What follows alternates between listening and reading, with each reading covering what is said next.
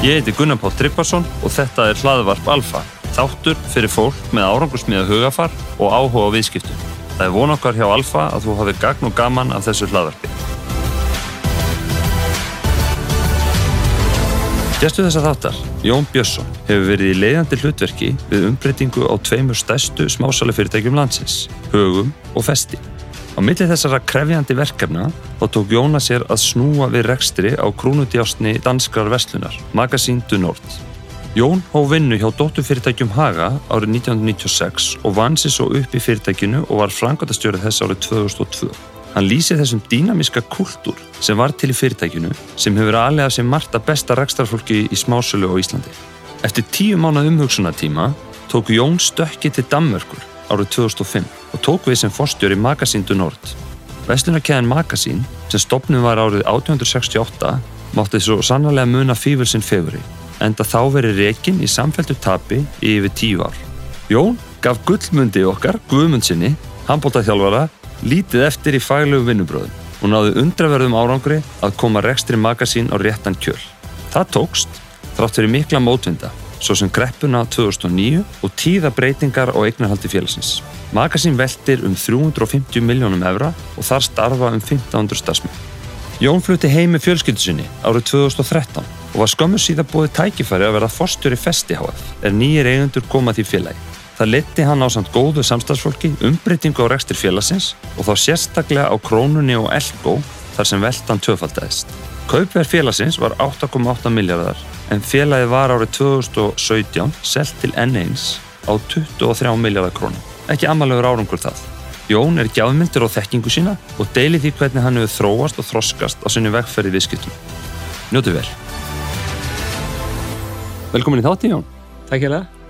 Hérna, þú tekist á við þrjú svona mjög krefjandi umbreytingaverkefni á þínu felli uh, Hagar, Magasindu Nord uh, og svo Festi og ég myndi gæta að velja káni það með þér eða þú ert til í það Já, bara gaman að því. mm -hmm. en, en kannski að að fyrst þú myndi segja mér aðeins frá uh, sjálfum og svona og lífinniðin áður þú gerðist smásæli Já, ég, maður var á, ásinn og eiginlega ekkert sko líf, sko, jafnvel ekki sem, sem sko krakki án hérna, án smásölu sko. Mm. Það var svona eiginlega fyrsta starfið og, og hérna, sem var að vinna í búð. Þó ég hafði nú, held ég að verið sko tíu ára, þá byrjaði ég nú að byrja út mokkan og það var svona kannski fyrsta og svo var maður dottin í einhver, einhvern búðar, einhvern búðarleik. mm. Uh, ég hins vegar ætlaði mér aldrei að verða sko, ætlaði aldrei að vera smásali sko. ég var með, með svona einhverja, einhverja verkfræði pælingar og eitthvað svoleiðis og, og, Mm. en svo bara hefur svolítið svona veist, þau verkefni sem ég farið í hafa oft verið já, þó að þau kannski, kannski ákveðin lína í þeim þá hafa þau nú verið samt tilvíluna kent Já, uh, og ekkit sérstaklega svona plönuð skref fyrir skref. Nei, nei. Að, en, en, en sjálfur bara svona kannski líka okkur sko smásala hentaði mér. Ég hérna var ágætt snámsmaður. Mm. uh, það, það hérna og svona kannski frekar svona analytikal Já. það hendar mjög vel í smásölu að vera analytikal Mm. uh, síðan er ég svona kannski ég held að ég svona frekar svona á yngri árum svona tilbaka karakter Já. uh, en fæ hins vegar er, er treyst mjög snemma bara mjög ungum fyrir ábyrð og fólki. Og, þar kannski svolítið snemma bara að byrja að læra að hlusta og, Mm. og hérna takast uh, svona, ok, hvernig get ég hvernig get ég móti vera svona fleiri hausa á hendur Já. og ég held að svona það, svona það svo þjálfun sko og, og þetta svona, svona analytical hugsun svona, sem kemur kannski úr bara svona akademist akademisku umhverfi Mm. það hjálpa manni þegar Já. hérna þegar Já. fyrir mig sækir sko En þú segir, byrjaði snemma að fá ábyrð á, á, á fólki, hvað ég, ég, ég segi veist, alltaf ég er nú veist, veist, kannski bara samt af þeirri kyrslu líka að hérna, maður byrja að vinna þeim á tíu ára Já, og byrja út mókan og, og hérna ég átti hérna veist, foreldra sem bara voru svona vinnusamt fólk Mm. eh, pappi og sjómaður og, og mamma rak vestlun og heimili og, og hérna og það var bara, veist, blaðið að vera komið klón sjö Já. og þannig að maður drattaðist bara með þessi veist, 20-30 kíló hverju mótni klón 6 Mm. út og skipti engum máli hvernig það eru var en það var reyndar hins vegar mjög auðvelt að vera að byrja út mokkan þegar ég var 10 ára sko, því þá voru, þá voru allir áskrifundur Já. Það þurfti ekki að hérna, pæla í Nei, nei, að hvaða færi- húsi væri að hvort hérna- það væri miði á ég- ekki þetta blað Ég man það sko að í, í því hverfi sem að ég bjóða þá voru sko 50 blöð mm. og þá voru 49 áskrifundur. Já, já, Það er sérst 50, það voru 50 hús og 49 áskrifundur, það var eitt sem var ekki áskrifandi. já, já, já. En, en, en síðan bara, já, tekum maður við alls konar einhver svona sumarstörfu og, og hérna sem að oftast tengdust einhverju að einhverju vestlun, kaupa eitthvað og selja eitthvað og, og þess að þar. Mm. Og, hérna, þannig að þegar ég kem heim úr námi 20, já, 9 ára en 23 ára að þá fer ég í sérst, starf hjá Nova Sirius sem Já. markastjóri Mm og Þú lærið þér í bandaríkjum? Já, lærði í bandaríkjunum, fór, fór ætlaði út í bandaríkjunum í eitt ár, fór skólastyrk á, ætlaði í eitt ár og kom svo heim og fara í, já, fara í verkfræði eða eitthvað svoleiðis. Og hérna, svo bara var svo gaman að vera í Ameríku. Mm. og hérna, þannig að maður fór síðan, en, en einhver síður samt lágist lághugurinn uh, að koma heim, mér lá alltaf rosalega mikið á, var, það var ekkit svona, veist, ég það var aldrei ekki frí. Nei, það bara var einhvern veginn ekki veist, þannig að maður ekki, þú veist, maður var í, í grunnskóla, framhaldsskóla þá bara þegar sumari koma bara daginn eftir og maður bara mættur í vinna Já. og svo bara vann maður alveg þangar til að skólinn byrja aftur og svo Mhm. kom jólafrið þá vann maður aftur og, og sama er nú þegar ég kom heim úr sko háskóla mér bara veist, ég var bara að byrja að vinna daginn eftir húsgötuna sko. já. Og Hvað hva festu þessa vinnu sem hann drifkraft, heldur? ég, ég veit ekki ég, ég, veist, ég var það er alveg ljóst ég fæði samansku sem minna frá sko fóröldur mínum. Já. þau eru bara svona og, og hérna en viðst, drifkrafturinn ég held að hann hafi bara einhvern veginn komið sko, ég man það alveg að, að, að sko ég hugsaði einhvern tíma þegar ég var í gagfræðaskóla sko var ekkit sko standa minn eitt sérstaklega sko. Einhver tíman eh, vaknaði ég fyrir það að segja, heyrðu, nú þarftu aðeins að fara hérna taka það á sko. Já, og ég held að því hafi verið svona veist, ruppa hann að síðasta árið í, í gagfræðaskóla svona til sem að kemist inn í Vestlú svo gerist bara eitthvað í Vestlú Vestlú var alveg hérna, ég átt hugsa sko um það eftir að, að hérna e, var eitthvað svo óbúslega gott umhverfi. Mm. að, að þar svona bara fekk, ég, fekk maður hennan áhuga og, og á námi veist, og á, á einhvern veginn þessum viðskiptum og þessu að að þegar mér var síðan búið að fara út í eitt ár þá einhvern veginn sagði ég, ok, ég, meina, ég hef ekki miklu að tapa, ég get þá bara, ég læri þá allavega ennsku svona mm. sæmilega og svo hafa nú alltaf sett sko markmiðið setna að fara í sko, fara í master ég reyndi það tvívegi sko Mm. mm. sest, en, en í hvort skiptið sko sest, þáði ég skólavistina það hætti við á, á síðustu stundu að það var eitthvað annað spennandi verkefni sem að kom og, og hérna. Þannig að, að veist, það, já, það er bara svolítið en eins og ég Mhm. segi, það, það er það er hægt að læra hlutina líka bara með því að gera á já. En svo kemur hann heim frá Já, kem, bandaríkjunum. kem, kem heim frá bandaríkjunum og, og, og fer að vinna hjá, hjá Nova Sirius Mhm. og þá svona tengist það s- sjálfkrafa sko, þessu, þessari vestlun og, og þeirri tengingu og ég var mjög ungur, ég veist 23 ára að koma með hana veist einhverja 15 starfsmenn Já, og ég hafði aldrei sko ráðið að stjórna fólki þannig síðan áður sko Mm. Uh, þannig að það var bara svona veist, maður fór svolítið maður lærði það kannski þá líka bara að hlusta fólk og ok, og hvernig ætla ég að hvernig ætla 23 ára gammal einstaklingur að að ná að, að, að hérna, leiða hóp sem að var bara veist, allir eldri en ég og mm. og flesti búin að vinna þarna í veist, 5 ár, 10 ár 20-30 ár sko. og var það þá Finnur Geis sem er fórstur í dag? Já, þá- finn, Finnur Geirs var nýbyrjaður Já, og ég, hérna ég hérna held að ég ætla svona að setja þetta sem svona að finnur náttúrulega sko doktor í hag, hagfræði og akademískur að hann hafi sko haft meiri mætur á námsmannum Jóni Björnssoni heldur en hérna en ég held til þess að er ég að alveg skila það mínu og, og hérna, ég, ég er æfanlega þakkláttu fyrir finni fyrir að treysta mér í, í, í verkefni ekki, ekki eldri heldur en ég var já. Hvað sagði finnum við þegar þú fórst að fer allt nammið í krónunni? Já Nei, Finnur hefur alltaf verið hérna, hann, er, hann er hérna, hefur alltaf sagt við mig sko, hann er nú hérna, kannski öfugt við mig sko, ég tala nú ofta áður en ég hugsa, en Finnur hugsa alltaf áður en hann talar og sagði nú við mig að þetta er allt sko gott í hói og ég er nú alveg Mm. sammála því sko Já, ok. Og, og, og þú ert þarna í hvað nokkur... nokkur Ég er ár? í einhver fjögur, fimm ár Já, og ætla svo í, í nám ætla að fara í mastisnám en, en hérna og held að ég sé sko fer sér satt alveg heimsæki nokkra skóla og sæki um síðan einn ákveðin skóla og, og, og hérna er alveg ég er bara til ég sé komin inn í námið og segi bara Mhm. ok, við, ég er bara að fara í nám ég er bara að segja vinnunni og, og hérna með í fullu, fullir sátt og, og hérna og svo bara fæ ég símtal frá skólunum sem segir, "Heyrðu, við ætlum ekki að taka inn sko, er, við erum bara að taka inn 70 manns við ætlum bara að taka inn einn íslending Mhm. mm. við, og það eru tveir sem að eru hérna í, í, í, í, loka hópnum Mm.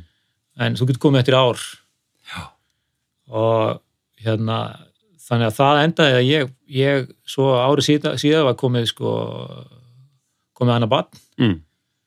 og ég var bara komin í svo skemmtilegt verkefni ég fór aldrei í, í námið sko svo setti ég með markmið að fara í nám hérna sko löngu áður en árið 2008 kom mm. þá sagði ég, ég ætla að fara 2008 ætla ég að fara í nám. Þá er ég sko fertur já, og með nægir, nægar reynslu til að hérna hafa eitthvað út úr því að fara í marstisnám já, en, en ég hef oft sagt sko eftir á að, að svona ef ég á að velja eitt ár sem hafi virkilega kent mér eitthvað í, að stýra fyrirtæki e, og leiða fólk, þá er það 2009 mm. það er líklega bæði sko erfiðasta og skemmtilegasta uh, ár sem ég hef sem verið í sko í fyrirtækjaresti já, já, komum kannski betur að því og eftir einmitt hérna, en, en þarna síðan uh, þá færðu eftir nokkur ár hérna hjá,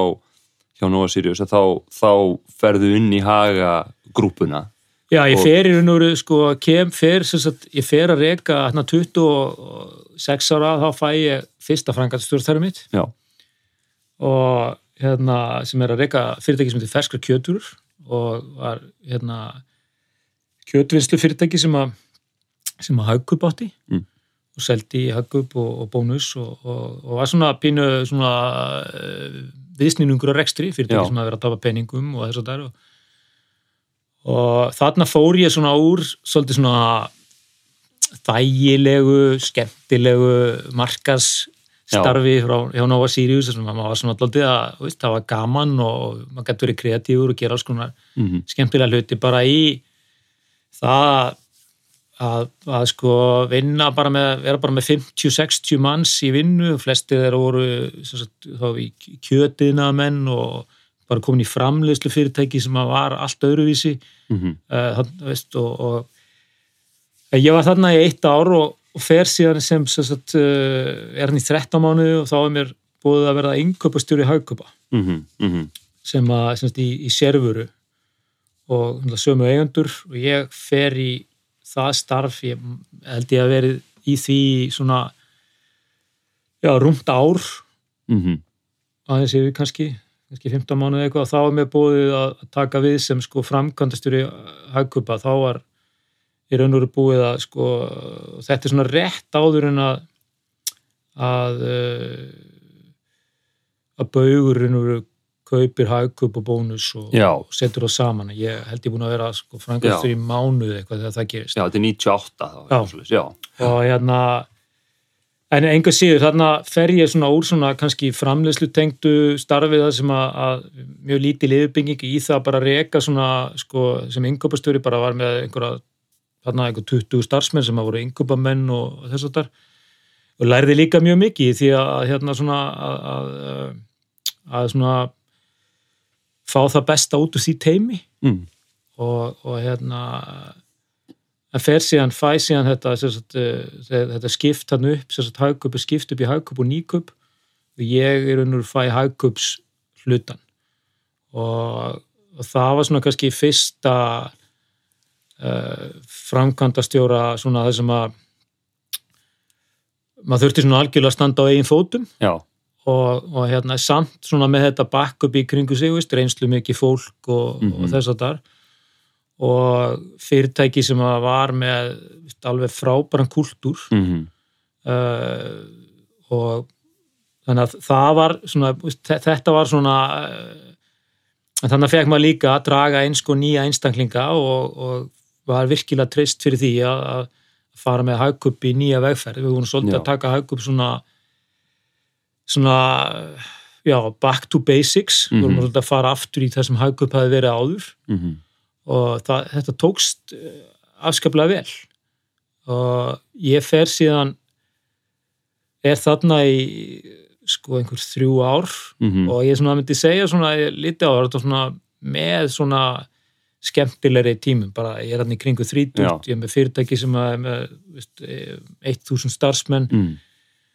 og þetta er líka tíma sem að svona, veist, það gengur vel svolítið í umhverfunu og það er volað þægilegt líka þegar maður er að taka sín fyrstu skref held í fyrirtækjarekstri að, að, að maður svona umhverfið sé ekkit alveg óbúslega þungt Mhm. sko. Mhm. uh, en síðan eru síðan sem sagt fer ég Já. úr hagkup í, í haga þegar þegar raun og eru baugur klífur íslensku starfseminu sína frá þessari svo kvöldu fjárfestingastarfseminu sinni Mhm. Mhm. og, og þá fer maður í svona í svona grúpufyrirtæki þar sem að maður er með veist, hagkup bónus og uh, 10-11 Já. og svo vorum við með, með livju líka þá. Og, og svo einhver sér að vera fyrirtæki út í líf og söru og topshop og, Já, það var náttúrulega ótrúlega mótuna tímar einmitt á þessum tíma, þetta byrja náttúrulega bara veist, bónus og reyna bónus og haga kaup saman og svo verður, verður haga grúpan til. En, en getur lýst líka þessum nefninu hennan, hennan kúltúr sko, því að veist, maður þetta verið, verið hérna mjög skemmtilegur mótandi tími og maður horfður á þetta kannski svona utanfrá og það er náttúrulega margir alveg ótrúlega öflugir kannski smásalar sem hafa komið upp úr þessari svona kreðsu eða þessu svona algjörða segja, kannski klasa, þú veist það, það var alltaf þú og, og Guðjón hérna, Karl Reynis sem var síðan fórstjóri Hamleis og Átni Pétur Jónsson sem er núna fórstjóri Skeljungs og náttúrulega Finnur Átna sem er fórstjóri Hægi dag og Guðmundur Martins, Jóni Já. Orfjör og fleiri. Þannig að getur þú lýst aðeins þessu svona hvernig þessi dynamík og þessi kúltúr var á þessum, þessum tíma? Það var sko náttúrulega ég, ég kom svona sko hagkupsmegin frá þessu og ég hagkup að vissulega eldra fyrirtæki og þess að þar en, en, en svona gríðarlega veist, eh, mikið sko svona ástriða fyrir fyrirtækinu mm. uh, og mjög svona veist, á, á mjög breiðum grundvelli þannig að þú, gast alveg, þú fannst alveg fyrir þessari ástriðu sko alveg bara frá fólkinu á gólfinu Mm. og alveg upp í stjórnarnstöður Mm. og eftir á veist, þá læriði ég okkur þetta svona því að þegar menn fóru að tala setna um sko að búa til kultúr og þess að það og, og, og, og notuðu til þess alls konar svona tækni sem ég myndi sko flokka bara í dag sem svona einhvern okkur svona fríðindi en hafi ekkert með kultúr að gera. Veist, hagkupa bara með skrifstúr sem að sko voru, veist, það var bara gatt á gólfinu og, og, og hérna ónýtt skrifborð og stólar með einhver áklæði og já, við höfum aldrei að pæla í þessu. Mm. þetta var bara ekki var, en á sama tíma var sko líka var fyrirtæki eins og, eins og bónus þar sem að var sko allt annars konar kúltúr en líka frábær kúltúr mm.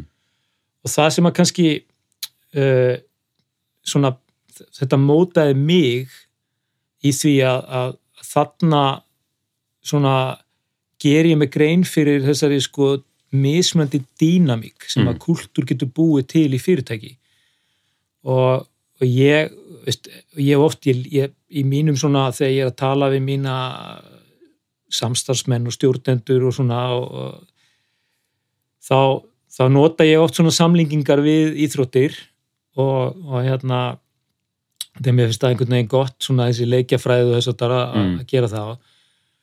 Og þarna fer maður að skilja þess að fer ég að trúa á, á svona mjög decentraliserað skipulag. Já, að, að krafturinn í fyrirtækinu hann sé uh, hann komi eh, innan úr vörumerkinu og fólkinu sem starfi fyrir það vörumerki Mhm. og þegar svona grúpur hafa kannski fleiri en eitt eða fleiri en tvö eða þrjú vörumerki þá sé dýnamíkin í vörumerkjunum Mhm. og það sé mjög getur verið mjög, það getur alveg verið hægt að taka annað skipula það sem að, það sem að þú allar að ná eins og ég kalla veist, á Excel-blaði Mhm. Einhverju sparnað og eitthvað svoleiðis en þú getur hins vegar tekið dýnamíkina út úr fyrirtækinu með því að gera það Mhm. það er hættan Já. bæði, veist, bæði leikskipulag virka Mhm. ég trúi bara annað þeirra já, já, og þannig að veist, og, og, og ég held að, að hluta til er það bara veist, að því að það er það sem að ég kannski kann og það er það, þannig lærði ég mín, Mhm. tók ég mín fyrstu skref ég Já. var mjög nálægt fólki, ég var mjög analytikal og ég var mjög trúar á vörumerki Já.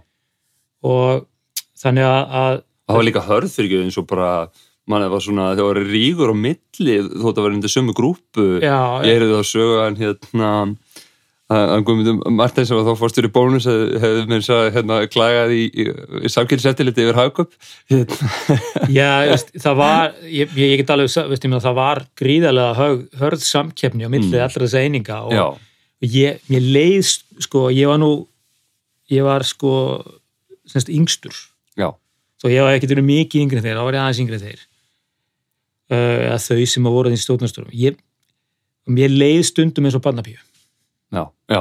Það sem að, og í raun og veru sko var, og það, kannski svona líka mótaði mann að, að þó að, að já, maður lærði mikið. Uh, en maður varð hins vegar pínu sko fjárverandi eða svona, maður ma, ma fjarlæðist viðskiptavinnuna. Og, og mér fannst í, í svona þegar ég var í þessu þessum þessar grúpufunksjón sko, þá fannst mér rosalega gott að að geta eitt svolítið tíma á gólfinu Mm. bara, mér líður best þar bara þess að ég get talað við fólk og, og, og, og þannig að þegar ég sko svona fekk tækifærið að, að, að fara og stýra magasín mm. að þá, þá svona þá, þá fannst mér einna mest hillandi við það að vera komið með eitt vörmerki og geta sko búið til dýnamíkina bak við það vörumerki. mm og getur sagt aðeins hvernig það kom til einmitt og þú fórst, þú ert þarna þá hjá uh, högum hann í einhver hvað átta ár og vinnuð þarna upp alveg frá að vera framkvæmtastjóri Já, ég, já, ég, ég, ég er, er, ég er hjá sko, sko fyrst hjá ferskum og svo Já. og, og ég er nú sko ásamt sko stengri með Ólasinni við búum til nafni Hagar sko. já, þannig að við, við eigum eða byggum það nafn til. Og mér finnst það rosa gaman að vera þá búin að búa til sem sagt tvö tvö hérna nöfn á maturumarka drófna auðlýsingarstofu líka. Já, já, ég veist, ég var huglega að afskaplega dabur í því sko, en, en hérna þannig að við, við, við búum til þetta, þetta vörumerki, Mm. við förum í gegnum þetta sko ferðalag og ég er þarna í, í haga starfinu í svona í þrjú ár. Og veist, mjög gefandi en, en mér, langaði svolítið aftur að, komast í í svona uh, veist, bara rekstur. Veist, ég vil bara fá að reka mig svona bara komast í dýnamíkina en ekki vera í, í, í svona þess að ég kallaði svona grúpufunksjón já, já, einmitt það sem að, að því að ég trúði líka svo mikið á decentralized strútuna, ég var eiginlega búin að taka haga og það, það var eiginlega ekki, það var bara örfá starfsmenn Já. og þetta var mestmengni sko bara stjórnafundir og, og hérna sko fjármálastarfsemi Mhm. hérna, þannig að, að þegar svona uh, nefnt tíman og satt hefur hvort ég var ekki tilbúin að skoða að fara út á, ég var svo sem vissulega búin að veist, gæla við þá hugmynd áður að, fara elendis og sjá hvort að maður geti hérna, komist í einhvern kannski aðeins stærri smásölu fyrirtæki og, og, og hérna e, þannig að eftir svona mjög langan umhengslunartíma sem að var sko tíu mánuðir Já, ok. það tók mig já. tíu mánuðir Já, að, og það grein allt og bara... Nei, já, bara svona ávist að, að hérna, segja er ég tilbúin að taka stökkið en, Já, en, hvað fór ekki um huga þér þá?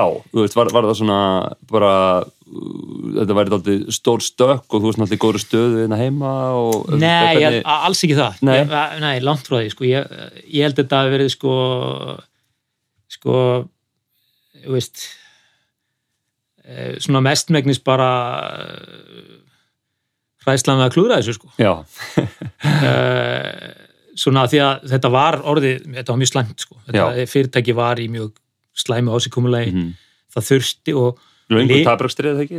Jú, löngun tapreksti og það þurfti bara sko, svo líka bara þessi svona sem að, að hérna maður að segja svona þessi þegar maður kemur út í svona svona nýtt fyrirkomulag. Og þú þartir veru að sko þú kemur, þú ert algjörlega einn. Mm. þú og veru, sko ég þekkti engan á dönsku markaði. Mhm. ég, ég hérna ég gæti ekkert bara sagt, heyrðu, ég, ég fæ þennan í markasmálin, ég fæ þennan í yngubamálin ég, ég, ég fæ þennan í já, og þannig að þú kemur algjörlega bara og þú verður svolítið að treysta því að fólki sem er aðna það sé bara frábært. Mm og þú getur bara fengið allt það besta út úr því. Já. Eh, þannig að ég, ég held að þetta var kannski þessi ótti og svo náttúrulega bara líka hitt skilur er, þú, maður er bara, veist, maður er að fara í mjög krefandi verkefni og maður er líka að fara út með fjölskyldu. Og, og, veist, með, og, og þrjú börn. Mm uh, en, en við einhvern veginn vorum bara veist, 2005 þá var bara fjölskyldan alveg tilbúin í þetta. Já. og Hvað voru bönnin gömur þá? þau voru já, það, er auðveld sko, þau voru hérna sko 3, 8 og 13 Já, ok. Já, Já, þetta er mjög strútur að setja og í hérna- Excel. já, já, og, og hérna bara, veistu tvö yngstu fór í danska skóla og elsta fór í hanska skóla og, og þetta var alveg verkefni. Mér var, var beis bara grunninn í vinnunni bara sko já, fyrstu 100, 150 dagana bara fram á kvöld Já, mann er talað um fimm ára plön í rekstir en þú ert með þetta í batninunum líka. já, Já. já, En getur þú líst aðeins líka kannski fyrir þá sem ekki þekkja, þú veist bara, þú veist, hvað er Magasín du Nord og í rauninni getur þú að setja líka hvaða þýðingu Magasín hefur fyrir Dani? Já, það er, og það er kannski ástæðan fyrir því að, að maður náði sko árangri með, með verkefni. Magasín er bara fyrirtæki sem er búið að vera til í, sagt, í sko 150 ári í Danmarku. Mm -hmm. Síðan það er akkurat 100, og, þess að akkurat hérna, 100 árum eldri en ég, Já, 1868. Og var á tímum, sagt 1970 er, er, er, er, er fyrir aðeins aftar með þess að 1950 er Magasín með 170 búðir í Danmarku og síðan færa þessi út í þetta stórmarkasform og, og eða, svona, hvað við segja, svona department store form og er svona þeirra pínu lítið svona crown jewel Mm. í smásölu. Svo fer bara að halla undan fyrirtækinu svona frá hérna 93-94 uh, og það, það fær svona, ég hef oft kallað svona uh, fyrirtækið það, það leit svo stort á sig. En, en alltaf líka á þessum tíma semst, í byrjun þess áratugs þá er að riðjast til rúms uh, vörmerkin eins og hennes og Moritz. Mm -hmm. uh, og fleiri semst, að, að, að eh, framleiðsla frá Asíu og allskins vörumerki voru að koma og, fara í samkeppni í smásölu. Þannig að þessi svona stórmarkarinn átti eh, þessi deildaskipta vestlun hún fór að eiga í alls konar vandræðum. Síðan bara gerist það að, að, að, að þeir eiga eins og mikið af fasteignum sem, sem selja frá sér en fyrirtæki var skráð á, á hlutabræðamarkað uh, og síðan er bara komið mjög illa fyrir fyrirtækinu þarna í kringu 2004 þegar Íslendingandi kaupa það loka ást 2004 þeir kaupa það og taka það af markaði. Uh, og það var alltaf svolítið sérstakt. Og það var líka kannski svona veist hlut af því á maður að fara í verkefni er að sko danska pressan var ekkit að svona það lakaði svolítið í þeim Mm. koma þessir íslendingar Já. sem að er einhvern veginn búin að vera doldið svona Öllir á. já, öllu, öllur á núna og, og kaupa hérna fyrirtækið okkar og það var svona því, og svo voru, svo voru svona getur maður sagt sko, hinn almenni Dani hann alltaf bara áskaði þess að við myndum ná árangri Mm og ég fekk aldrei neitt nema bara mjög jákvætt uh, svona jákvætt uh, feedback frá þeim hins vegar var svona hluti af businesspressunni sem bara einhvern veginn langaði til þess að við myndum Mhm. feila með verkefni Já. og þannig að, að, að koma inn í þetta var ákveðin áskorun uh, hins vegar var ég bara gríðarlega heppin með Mhm. mjög marga hluti ég, ég fekk sko, það var hérna stuttu áður hafði við komið inn ný fjármálstöru í fyrirtækið. Uh, hann var algjörlega á bara sömu lín og ég. Mhm. uh, og síðan sem sagt voru í stjórn fyrirtækisins. Uh, tveir danir annars vegar lögmaður og hins vegar sko, Lars Líps sem að var sko fórstjóri tífólisins á þeim tíma og var nú bara að hætta núna og þegar ég kem að þá einhvern veginn eru þeir svolítið svona bara tilbúinir að veist, hjálpa mér Já. og, kynna mig fyrir fólki og svona bara draga mig með sér hitt og þetta og sko hitta Mhm. þennan og hitta þennan og ég hitti mjög fljótlega uh, mann sem heitir Níls Bensen og er, er svona, getur kallað svona veist, hausaveðari bara í, í og við erum eigum bara afkala vel saman Já. uh, og ég þarf í raun og veru í starfinu þá er ég svona finn ég að veist, fyrirtækið er veikt á ákveðnum sviðum og ég þarf að styrkja það þar en það var líka mjög góðir einstaklinga það var ungt fólk að inni Mhm. sem að hafði bara sko ekki fengið, sérst það voru búin að vera fimm fórstjórar, þannig að held ég sex árum á undan og þeir fóru alltaf svolítið svona inn í magasín sko að segja ok, nú ætlum við að búa til magasínið sem að var Mhm. En ég vissi ekkit hvernig magasín hafi verið sko Veist, eina hugmyndin á magasín sem ég hafði var bara eitthvað sem mamma hafi sagt mér sko Mhm. Mhm. og, og hérna þannig að ég við nálgumst þetta bara svona fyrir að nálgast þetta dóldi bara út frá viðskiptavinn Já. og, og við hö- þarna á þessum tíma þá höfum við ekkit sko við höfum bara í raun og öll tækifæri til þess að prófa hluti Mhm. þannig að, að uh, og, og skipta út gömlum tölvukerfum gömlum aðferðum svona næstu því sko, ok, við verðum bara Já. þannig að þetta er kannski líka hlutur sem að er mjög skemmtilegur í þegar þú kemur semst, í viðsnúningi fyrirtækja og, og lærdómurinn sem að er sko, hvernig forðast ég að kom að lenda á þessum stað Mhm. Og ég held að það sem að gerist nefnilega í svona fyrirtækjum sem að jafnvel sko þegar þú, að því að veist, það er til þessi setning sko að, að, að, að, að, að, að sko mest í byltingarsinnin, hann verður íhaldsamur sko daginn eftir byltinguna og, það gerist alltaf hjá fyrirtækjum Mm. og síðan sko þannig að þau fara að, ve að verja Já. business modelið sem þau fundu upp í gær Mhm. og, þó, og á einhverjum tímapunkti þá verður alltaf dýrara og dýrara Mhm. að það, þó að þau viti að business modelar virki ekki lengur Já.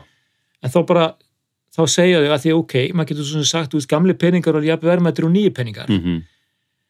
en, en það er bara í dag Mhm. til framtíðar er það ekki svoleiðis og, og Svona einum veitur dilemma, runni, eða þú veist, þú ert Já, svona kannabilisera kannski það sem þú ert með. bara, jafnvel bara business model dilemma, Já. þar sem að þú ert bara með þú ert bara með ákveði business model sem að segja, heyrðu, þetta skilar þessu uh, til þess að ég veit alveg að þetta er hins vegar ekki besta módeli til þess að keppi framtíðinni en til þess að gera það þá þurfum við annarkot að fjárfesta svo mikið eða fórna business modelinu Mhm. Þú veist, að fórna business modeli geti kannski verið á sömu fyrirtækjum að segja, herðu, við þurfum að lækka eitthvað verðum x ákveðin hluta af því að það er eina leiðin til þess að ná aftur upp svona, sem að segja sko jákvæðri sveiflu í kúnafjöldan Mhm.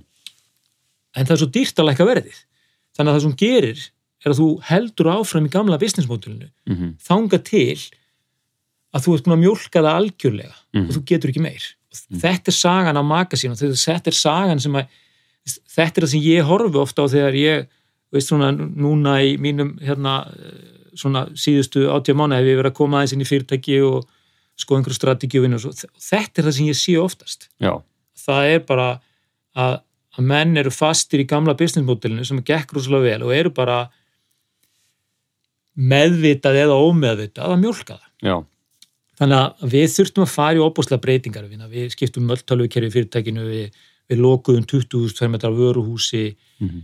uh, við lokuðum þrejum búðum mhm. uh, við fórum í við settum alla peningar sem við fengum. Hvað voru marga búðir þá? þær voru fyrst átta. Já, og við fórum neyri fimm og svo opnum við einu viðbútt Já. og svo fórum við online þannig að þess að 2008 Mhm. og, og hérna og þetta var, og við breyttum algjörnum viðskiptamódel. Mhm. við fórum, færðum rosalega mikið af að fá sko svo kallega sko svona partnera inn sem ráku búðuna sínar. Já, og það var alveg svona, við vorum með það sem svona ákveðið fimm, tím, fimm ára markmiða við ætlum að segja ok, nú fáum við á til þess að reyka þetta og svo hægt og rólega tökum við þetta aftur yfir sjálfur mhm, við þurftum bara að minka vandamálun við vorum með svo óbúslega mikil vandamál. Og þetta plan gekk mjög vel og ég var rosalega heppin með, með fólk. Vist, bæði fekk ég þarna inn uh, nýtt fólk og, og hérna og svo bara fólk sem var þarna. Mhm, og sem bara var víst, jafnvel yngri en ég, jafnvel gammalt mér eldri en ég, sem bara einhvern veginn fór að blómstra þegar við gátum teikna myndin að þetta er það sem við erum að fara að gera. Já. Og þá fóru allir einhvern veginn í, í sömu átt. Og teiknar hana í upphafi þú veist, Nei, hvernig við teiknum hana. Vist, ég geri ég geri ekkit rosalega mikið í því að, að sko ég bara kannski lýsi einhverjum einhverju framtíð og einhverju viðskiptæði síðan bara kemur fólkið og býr til myndina og kástu með marga með þér í þeirri vinnu? Við vorum svona 5-6 já, og, og hérna við keirðum bara að fullri ferði í alls konar breytingar og, og, og sjálfsög fyrir, sko, fyrir fólk sem að er mjög svona hvað að segja uh, maka sínu eitt af þessum fyrirtæki sem hagur bara enda líka. Mhm, það sem að þú svona og, ég, og þú finnur þetta líka hérna þú tala við fólk, fólk þú tala við fólk hjá Æslandi er og, og svona eh, það verður svolítið svona fyrirtækið ásóldi í þeim. Mhm, og, mhm, og þau eru tilbúin að tegja sér svolítið lengra. Nóa með þetta sama element svona, og þetta er svona þetta er náttúrulega frábært element þegar hún er þessu í fyrirtækjareisti já og varstu með það dálítið þarna með það, var ba- það var bara í fyrirtækjum já, Vistu, já, ég þurfti ekki að búa það til sko. Og, og, og, og, og hérna en, en við náðum að svona, viðst, búa til þetta aftur að, að, að, að, við, að við getum verið flott fyrirtæki. Mm. og svo kerðum við það plan. Og svo kom 2008 Mhm, og, og fyrri helmingu ásins 2008 var, var bara fín og svo bara, svo bara byrjar að kreppa að á hösti 2008 mhm, og ef einhverjir sko, ef einhver staðar er ekki flott að eyða peningum í kreppu, þá er það í Danmörku. Já, þannig að, að, við bara fundum strax, bara í september 2008, mm, að þetta er hérna, þetta er að fara að vera mjög erfitt. Og það er að fara, sko, við vorum hins vegar þannig að, að fyrirtæki skuldaði ekkert. Mm, og við vorum ekki með hennar fjármögnun frá íslenskum bankum, en þess að við vorum með sænskan banka og sem að veit okkur ábyrðnar og þess að þar og cashflowið í þessum rekstir er mjög, þegar ert komið með það í plúsa þá, og við vorum komið fyrirtæki í plús þarna, cashflow þá, þá, þá þá þarftu í raun og veru ekkert nema bara eh, þína svona eðlilegu kreditlínu sko. mhm, og síðan gerist það þarna að, að, að sagt, bankin kemur inn í reksturinn og ströymur þá sem að, að, að ke, kemur inn í reksturinn í oktober og bara tekur í grunninn yfir uh, eign íslensku aðlana Mhm.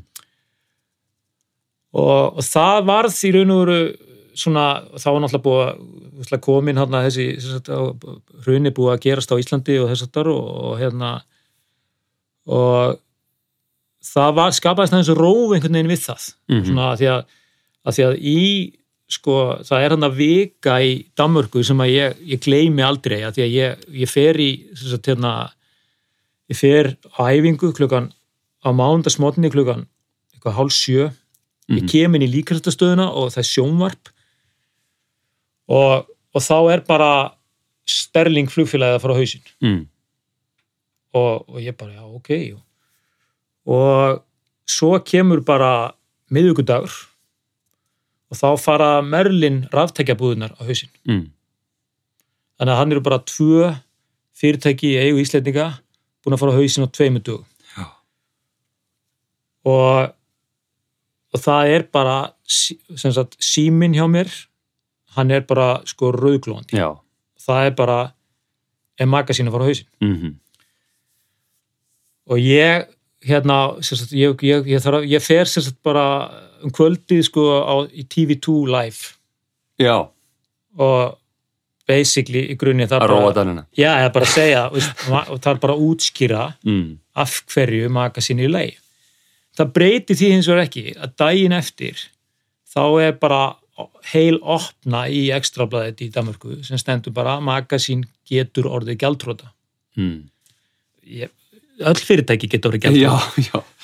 og, og þá hófst svona uh, já, bara svona viku vinna Já, var það einhver túlkun á einhverju sem Nei, það nei, er sagt nei, ekki nei, sagt? það er bara, Nei, þú veist, bara press, ég meina, gula, gula pressan í Danmörku er, er aggressív sko já. og, og ég meina, það bara er, það er bara Vistu, þú ringir bara í þarna í þessu tilviki háskólaprófessor og spyrir get, og Mm. spyr, getur magasínur og gældur hann sagði já, magasín getur og gældur hann finnst ekkit hvernig efnaðarseiningunum okkar leit út. Sá þeir þetta alltaf að vera, já. Já, en ég meina, en sko, sko það, það sem þetta er, þetta er náttúrulega hellingsskilaboð, sko, þannig er með 1500 starfsmenn. Og, og það sem náttúrulega, sko, það er eitt að það að vera gjaldrúta og við erum með, og fullt af, sko, við erum með, stæ, þetta er sko einn vinsalasta gjafaveslum dana, þannig að það er mikið að sko útitöndandi gjafakortum. Þannig að við þurfum bara að taka, og þarna líka reynir á hversu gott teimið er. Mm að við þurfum bara að taka serju af fundum, ég bara við förum bara og sem sagt skiptum okkur niður og keirum bara allar búið og höldum starfsmannafundi og förum um málin. Og svo er bara fara fyrir restina tímanum í að hitta byrgjana, ég var með sagt, rúmlega 500 byrgja Mhm. og kannski 70-80 er mjög mikilvæga. Og þarna fer maður í þennan, í þennan öðleik og hann tókst mjög vel. Og veist, það gekk vel hjá okkur þannig að það var svona og svo sáum við bara ok, heyrðu, þetta er í lægi og við komumst í gegnum þarna ein, ein bestu bestu jól sem við mátt hann í sér ekstralega 2008 og en síðan sko síðan gerst það 14. mars 2009 mm að þá fellur strömmur mm.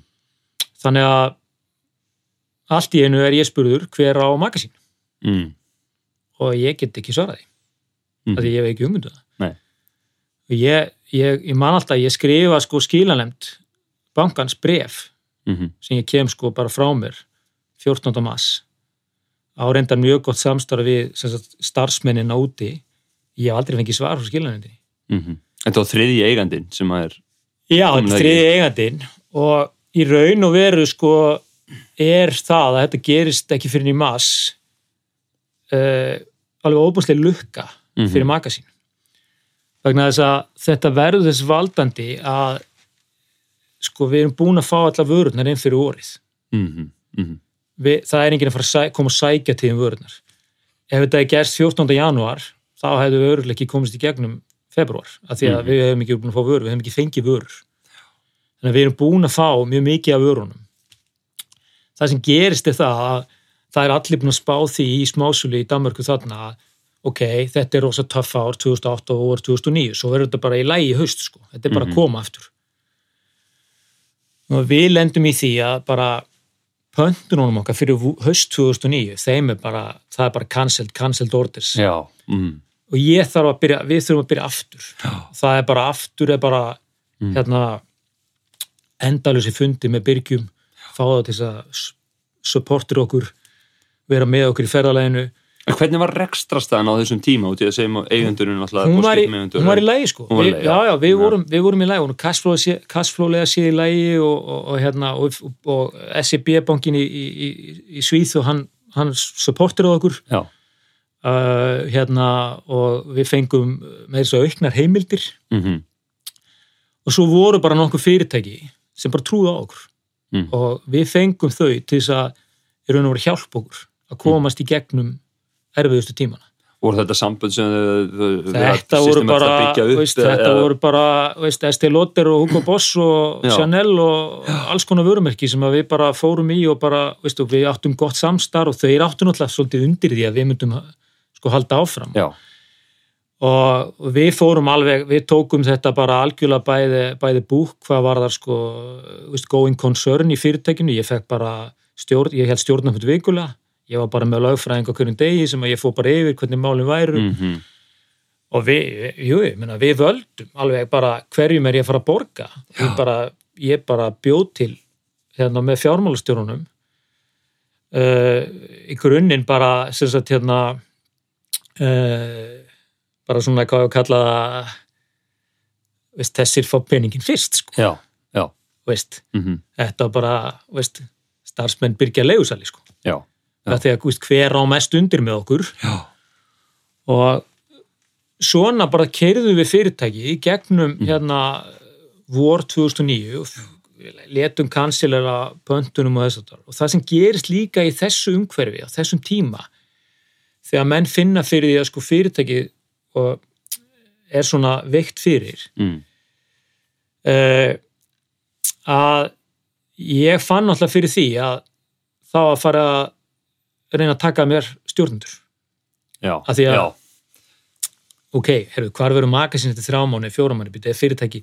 Þannig að það, þeir fóru bara að fá bóð gó, gó, Já. góða fólki mitt, þannig ég Já. misti kannski auðvitt pits að vera að segja já, hörðu, hvað er það að bakka þessa Íslendinga? Þú veist, það er hérna, þau eru á þriðja íslenska eigandanum og já, og enginn Og veit hver á enginn þetta sko, á Íslenska ríkið þetta, einhver Þetta þetta, er hvernig að- er þetta?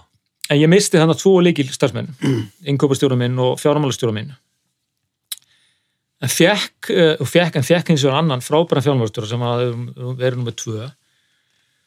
Og, og var hann með tvo aðra starfsmenn. Við förum bara þannig að þegar svona, við erum búin að koma okkur fyrir mestan vind. Mhm. við setjumst bara niður heila helgi. Bara, það var bara ekki farið heim á fösti mhm, og, og við bara við búum til hundrað blaðsina sölupakka fyrir magasín mm, við áttum ekkert fyrirtækið Nei. og við ringjum í, í hérna, fáum sagt bara eh, hjálp frá svona mannið sem var tekti vel til í fjárhustingakörinu og við bara fyrir að læna upp fundum. Mhm, mhm, og það sem að gerist sko síðan næst í þessu er það að, að, að, að þegar, og við erum með tilbúin pakka og allt saman, við erum meira svo búin að halda alltaf kynningum, þá kemur bankin eða sem sáum við herru, við erum að selja fyrirtækið. Mm. og við sem bara, herru, við erum bara klárir. Mm, þeir eru bara búin að lista upp hérna, við bara látum við fá bara kynninguna og þeir bara svona, eins og ég kalla svona bankavæðina eins og mm, og svo voru bara haldnar fjárfæstakynningar og meir sér að það kom það fyrir í, í að óljóskar seljandin er en, en fjárhundakynningin tilbúin. Nei, við Já. sögum bara, herru, hérna sögum, herru, við erum búin að læna upp hérna þessum kynningum sagði, herru, við erum búin að kynna fyrir þessum já, þannig að en, en síðan er sem sagt, það sem gerist er að, að á á hérna bara hérna í kringum sko í júni eitthvað svo leiðis að þá er mæ, á, mæ, mæ, þá er fyrirtæki selt. Mhm, fjárfyrstirinn er, er, er hérna, aðil í Breitlandi og og við förum í áraðanleika konun Mm. Þannig að í byrjun júni og það var ekkert það var ekkert suma frí það sumarið vegna þess að síðan hann kaupir fyrirtækið og þeirri áraðanleika konun líkur einhvern tímann í ágúst og það líða tvær vikur og þá kemur sá aðli til mín og segir ég er búin að selja fyrirtækið. Mhm, og Debenhams í Breitlandi sem er skráð félag er búin að kaupa fyrirtækið og, og við þurfum að fara aftur í áraðanleika já, ég sagði hvað, þeir eru skráð félag ég meg ekki nota áraðanleika konuna mína. Mm, Þannig ég var í áræðanlega könnun frá mæ og fram í, í miðjan september 2009. allir stjórnendur elska þetta. Já, ég meina þetta var, þess að segja, sko, 2000 2009 var var hérna Mm. sagt, það var bara uh, björgunaraðgerir, já, tvær áraðanleika kannanir og svo kemur haustið þegar sem við vorum sem sagt, það sem gerist er það, magasín kaupir okkur við vorum, ein, með, við vorum ekki með neitt kredit neinstar, mhm, bara null stundum fyrirfangreitt og það sem gerist bara þarna og við erum allt og lágir í vörubyrðum já, það komið annað fram í meðan september. Og það sem gerist bara þegar Debinos kaupir okkur bara overnight, þá eru bara allt í hennu komið með kredit allstaðar lífung í Kína sem að við þurftum að sko fyrirfrangræða vörur. Mhm, og allt í nú konum með 120 dag kredit. Já, og við erum bara allt í hennu komið fullt af peningum, mhm, ekkert af vörum.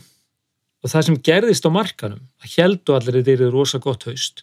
Þetta var ömulegt haust á smásúlmarkaði í Danmörku. Mhm, þannig að við gáttum farið út og pekkað upp vörur á miklum afslætti.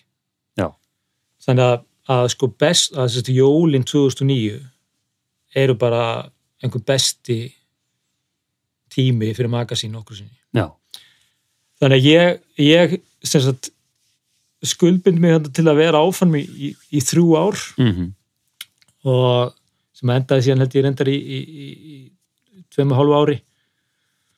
Uh, þetta var bara komið það, var þarna ákallega svona gefandi fórstjóri í Debenhams sem Mhm. bara saði mér bara þú rekur þetta bara. Já, og, ég fekk bara stjórn frá þeim og hann og fjármálastjóri og í stjórn og, og við fengum bara svolítið að gera þetta teimið eins og vildi.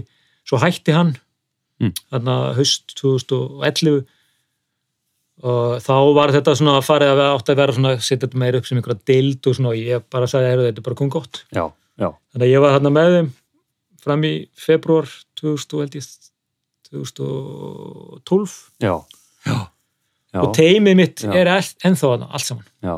hver einasti Ég vildi Einstaklega. að sko, þekkti á þessum tíma sko, ég, ég var mjög mikið út í Danmarku hérna 2009 til 2012 sko, og vorum við með aðra danska þjóðagerð sem er bara innum meginn á Kongens Nýtorf, hérna Hotel já, það, það, það var líka eigu ég, Íslandika ég, fengi margar, margar sögur að að- það að var, því sko. það eru margar sögur, sögur að því sko, hérna, en þá, ég getur sagt þér eina það var hérna, endað með þegar við seldum hótelið, það byrjaði svona, var svona fjárhagsleg og restarleg endur skeflaðning og það var sko hérna uh, seldum hótelið og þá byrjaði að, að koma að reksturinn þá réttum við vinnuleg og hérna við þurftum að þess að þetta vorum að kera söluferli og hérna það, þetta hafi verið eigu svona danskar hefðafjölskyldu sko, hérna römmen fjölskyldunar Já. og hérna nema það að við höfum í spartnarækjörum ákveðið að sko setja ekki jólaserju á sagt skreita hótelið, þú mögulega mannst eftir því Já, hérna, þeim jólum. Já, þetta var algjör skandalegt í. Danmörku, þetta var svo hérna mikið það var náttúrulega bara aukenni hótelsins Já, Þannig að- auðvitað hótelið sko. Og við, það, við, við tókum ákvörnum við þetta kostaði til miljón danskar eitthvað svo leis og við svona frekar hérna, eiga peningi til að borga laun og, og hérna halda fólki vinnu og hérna en nefnum það, þetta varð algjör hérna lukka því að sko hérna danska hefðafrúin var að lappa hérna fram í á hótelinu þessi jól og horfði svo gamla hótelið sitt alveg kviknæki þarna og bara sagði helvitis Íslendingan ég þarf að kaupa þetta aftur. Og hérna og kom þá bara með hæsta bóði í þessu söluferli sem við vorum að keira og, og hérna þannig að hérna, þetta er, hún er reyndar búin að setja alveg sko rosalega peningi endurbætur á, á hótelinu líka. Þannig að það sko hvert herbyggi sko verðið per herbyggi og, og tekur kauperið og kappisir sem að setja í þetta það, það eru sko 200 miljónir íslenska Já, einhverstað las ég það í einhverju dönsku miðlum að þetta væri, sagt, þetta væri sko dýrast, eh, dýrasta hótelherbyggi Já. í Norður-Európa Já, ég held að það var, hún var, þetta er alveg allavega á sín tíma, ég getur að hafa breyst, Nei, síðan. nei, þú lendi náttúrulega því aldrei svona setback með ymsu í framgöndum og, og svona, þetta var, fór eitthvað vel fram úr áallin en þetta er, þetta er svona eins og tvö, tvö þrjú íslenska einbilshús hérna, hvert hóttir er byggið þarna. En, en ef við horfum eftir baka með sko, hérna um, þú, þú segir að þau hafa lagt sko um, með mikið upp úr bæði hérna tölvukerfum og líka eins og segja að horfa á þetta út frá viðskiptavinnunum getur að lísti aðeins nánar, voru tölvukerfin þá rauninni bara að fá betri upplýsingar um hvað marginur voru á einstakum vörum eða einstakum deildum og búðum eða veist, var það ekki þetta og líka þetta með þú veist það sem við meina með sko hérna uh, hugsa þetta meira út frá viðskiptaverunum, getur líst aðeins þeirri breytingu í uh, þá hugsunarhætti, hvað það Já, þetta er í raun og veru bara sko við, veist, ég kannski svona sko, þess, í, í, í kringu tölvukerfin var, er þetta í raun og veru snýst þetta líka um það að sko ná þessari svona decentralization. Þannig að við byggðum upp struktúr sem að gekk út á það að, að, að fólkið á gólfinu sérst, við byggum í raun og veru staðins að vera með veist, uh, sem við enduðum með þannig fimm vestlanir sem eru síðan sex að vera með fimm vestlanir sem var sko og með einhverju svona stjóra á hverju hæð mm -hmm. þá skiptu við öllu fyrirtækinu niður í sko rúmlega 90 búðir Já. og ég reyna að byggum til líkiltölur fyrir hvern búðarmann Mm -hmm. og sem hann var ábyrgu fyrir og þar inni var sko veist, sala og conversion rate og, og, og vörubyrðir og, og þess að þar og, og sem sagt við letum tölvukerfin sem við notuðum í raun og veru koma þessum upplýsingum á fólkið Mhm.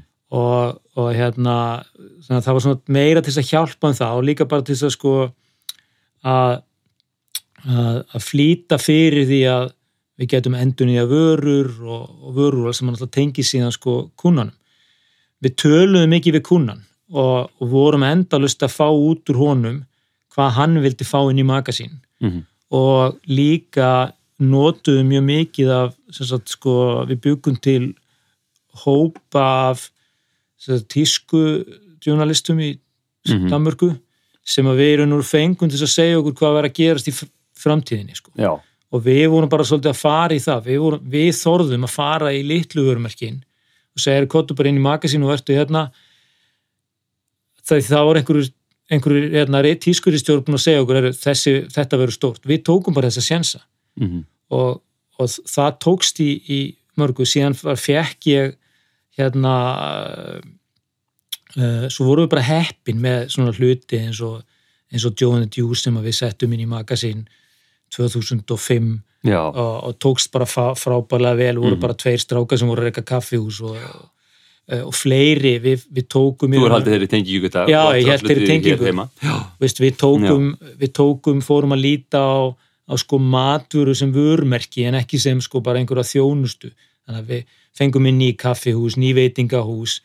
Við byggðum rosalega mikið upp í kringum snirtuverumerkin náðum óbúslega góðu, hérna, góður samnu og þetta var allt sko viðskiptavinna basirað og svo uh, kom markastjórum minn með frá, frábæra laust sko sem var óbúslega ódýr í kringum uh, hérna uh, kringum 2008 til að ná betur til hérna svona, svona kannski forf, getum kallað svona það fyrstu skrefin í e-commerce voru mm. nú bara svona kunnakort þar sem að þú gast fengið afslátt á einhvern vörum en við myndum bara senda þér posta sem að þú vildir fá, mertir bara inn á hvað þú vildir Mhm. og við náðum alveg fáránlegri útbreyslu á þetta uh, og hún koni með bara einhverja sko 7-800 þúsund korta Já, bara á einhverjum nokkrum mánuðum Mm.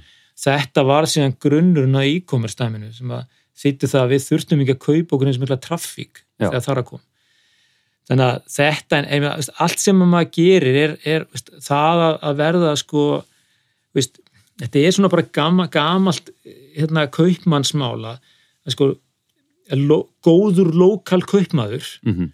hann verður alltaf betri en keðja Mhm. Veistu, það, það er bara alveg sama hann næri að búa til veist, bara allar vittirnar í því að segja, ég, veist, ég er með góða vöru ég er með góða þjónustu, ég er með Mhm. góð verð og þetta er bara sannast allstaðar Mhm. veist, að, að ef hann er góður þá getur enginn keðja keft við hann Nei. og við reyndum bara að búa þessa stemmingu til Mhm. Og, og líka í sko fólki 90 lokal og Já. já. og við fórum, viðst, ég finnst það mjög skemmtileg saga því að, við, við, við, við settum í gang strax í byrjun Eh, Danir eru með starfsnám í verslun og, og til þess að fá sko ríkið til þess að borga hlut af starfsnáminu þannig að maður megi sko þá hérna þá þarf maður að ná ákveðnu fjölda og þá getur maður fengið að hafa sína eigin bekk og ákveða sína eigin námskrá svo lengi sem að þú uppfyllir svona þessi standardfög líka. Já. og við sem sagt, ég vildi búa til þennan vildi halda áfram þennan skóla og fekk alveg frábæra konu sem hafði unni í fyrirtækinu mjög lengi til þess að fókusera bara hann. Fyrstu önnin á þurftum við alveg að skrapa í að ná í 25 og ég segi markmið okkar þetta. Þetta snýst ekki um að skólinn verði meir en 25 en ég vil helst sko að við náum í það að vera með svona, veist fjögur 500 umsækjendur. Þannig að við fáum alltaf, veist, því betri fólk sem við fáum inn mm því betri letu að fáum við inn í framtíðina. Veist, 2012 voru við komið með 700 umsækjendur um þessi 25 plás já, ok já. og veist, þá ertu bara komið og, og margir af þessum sem fóru í gegnum þetta nám, þeir eru stjórnendur í dag, já. Þannig að þetta gengur sá eins og fræjum líka Já, og bara líka sko, veist, það kemur meira stolt og, og, og, veist, og þau, allt þetta fólk við þurft, veist, ég kendi það neitt fag og fjármálustjórun kendi það neitt fag og allt þetta gengur út, út af það að- að að svona vera nálagt fólkina því að þetta enda þetta deg þá er þetta ekki rosalega stórt fyrirtæki ef þú horfir á stjórnendahópin veist, allir stjórnendur í magasín kannski 110 manns Mhm. það er ekki rosalega mikið Mm. Og þannig að þe- þetta er svona og, og, þetta fólk er náttúrulega til þess fallið að geta að sko vera miklu nær kunnanum Mhm. og, og breytt hlutum og hlusta á það sko. svo er þetta bara stundum líka bara veist, gera hlutina. Já, bara, heyrðu, prófum þetta. Þetta er bara, prófum þetta breytin deild ef þetta funkar ekki, bara hættur þessu. Já, einmitt. Samanlega einmitt, oft er ekkert svo mikið endilega svona mikil áhætta í, í, í, því sko. Nei, þú veist, Nei. bara Já. beauty við ég meina, Já. ég, þú veist, það, þetta er eitt af því sem ég tók mjög stert með mér inn í sko krónuna og festi að bara, hei prófum þetta. Já, og, og gerum bara tilrun, einn mánuð sjáum hvernig það funkar, ein búð, og þetta funkar ekki bara, þá slökkum við ljósinu og hættum þessu. Já, já. Og, og, og, og leið, veistu, og ég meina það er alveg potið að stór hluta þessu text ekkit, mm þá bara ekkit mál. Mhm. það eigur líka sagt, það að, að búa til umhverju það sem að bara veist ég vil að þið gerir mistök. -hmm. að það verður til þessa að sko fólk verður miklu óhrættari við að fara í þess að svona veist, bæði finnst þeir að vera eiga meira í fyrirtækinu já, og það verður miklu óhrættara við að, að, að sko fara nýjar leiðir. Já, og þannig að þessi svona veist, þessi endalösa leit að því að gera betur veist, það er kannski svona veist, ég, minn svona veist, kostur en líka minn stærsti galli, ég er aldrei ánaður já, já, það er bara Mhm. að því að og, og, og ég hef verið spurður, Jón, eru ekki, þetta ekki komið núna, eru ekki bara búnir? Og ég segi, nei, nei, nei, nei, við erum ekki búnir. hvernig erum við búnir? Aldrei, þetta er, þetta er alltaf þessi hérna, já, já, og í því felst engin sko, veist, ég meina veist, þetta líka sem að ég sæki skilur úr, sem maður horfir á, að því að veist, mikið af því sem ég, sem ég sæki mér í svona, ok, hvernig gera aðri hlutina? Ég, meina, ég les bækur og podcast og ég á með mína uppáhalds businessmenn og, og háskólaprófessora sem er mjög rosalega skemmtilega en ég sæki líka óbúslega mikið íþróttir. Já, og þjálfara. Mm og, og, og hvernig maður sér hvernig veist, og, og þessi dýnamík þar sem að sko menn bara sko nakk rífast inn á vellinum en eru svo komni bara veist, í tóma gleði leiðu þau fara yfir sko, Já. fara út af vellinum. Og það er svo góð eitthvað í íþrótti sko, veist, það er svo skilgreindur sko leikurinn sko, mér finnst ofta Já. business er svo órætt sko, þú ert ofta að skilgreina hver er keppnin og hvernig ætla ég að að vinna leikinn, eða þess að, þú veist en, Nákvæmlega, það- sko. það, ma- úst, það á að rökraða, það á að tala og þá og, en, en sko síðan alltaf þegar þú- verður síðan alltaf að koma og segja, "Heyrðu, hvernig maður gera þetta svona Já. þannig að, að, að hérna og Mhm. þannig að búa til þessa dýnamík það finnst mér það finnst mér frábært sko. Já, en hvernig fæst þið eins og kannski að lókum bara eins og með magasín, þú veist, hérna, með þennan kultúr í Danmörku og kannski vinnumenningu og annað, þú veist, er eitthvað svona sem finnst þar sem við getum kannski tilenga okkur hérna, ég, ég, Heima- ég náttúrulega er rosalega hrifin af sko, veist, hérna Danmörku og, og finnst, finnst Danir frábæri sko Mm. og hérna, hérna voru þeir á sömu skoðunum var Nei, ég veit ekki sko ég, þeir voru rosalega Já. þólumóðu við mig og Já. eru enn, ég er náttúrulega búin að vera sagt, sagt, það hefur ekki komið mánuður síðan að ég flutti heima sem ég ekki farið til Danmörkur því ég er Já. náttúrulega sittan í stjórnum og, Mhm. og, og finnst þetta eh, sko það sem að maður þarf að, að, að virða við Danina vegna þess að þeir þeir eru bara sagt, aldir upp við það að, að, að not, þeir eru ofbústa skipulaðir og Jú, jú, ég meina, það geta alveg gengið fram að mér í ákveðinu skipulagi og, og sérstaklega þegar kemur að sko, sko tímaskipulagi því að þeir vilja helst sko aldrei skipulegja fyrir en eftir x daga sko. mm -hmm. það, það má næstu tíu dagar sko þeir hljóta að vera skipulaðir alveg í þaula Já. þannig að þeir mun aldrei leifa þeir sko að fá fund sko næstu tíu dagana því að, að, því að það myndi sé vera ákveðu veikleikamerki og kikið på mér kalender. Já, það, og þeir eru allir sko, ég meina, ég hef alltaf sagt sko, þetta er eina, eina landi þar sem að sko selst tvöfalt magna af dagbókum með við íbúa, því að þeir eru alltaf Mhm. með tvær dagbækur sko, ein fyrir, hérna ein, eitt fyrir frítíman og hinn fyrir vinnuna Mm en hins vegar, þá verður maður að, að, að meta það og það sem er mjög frábært við þá, þeir bara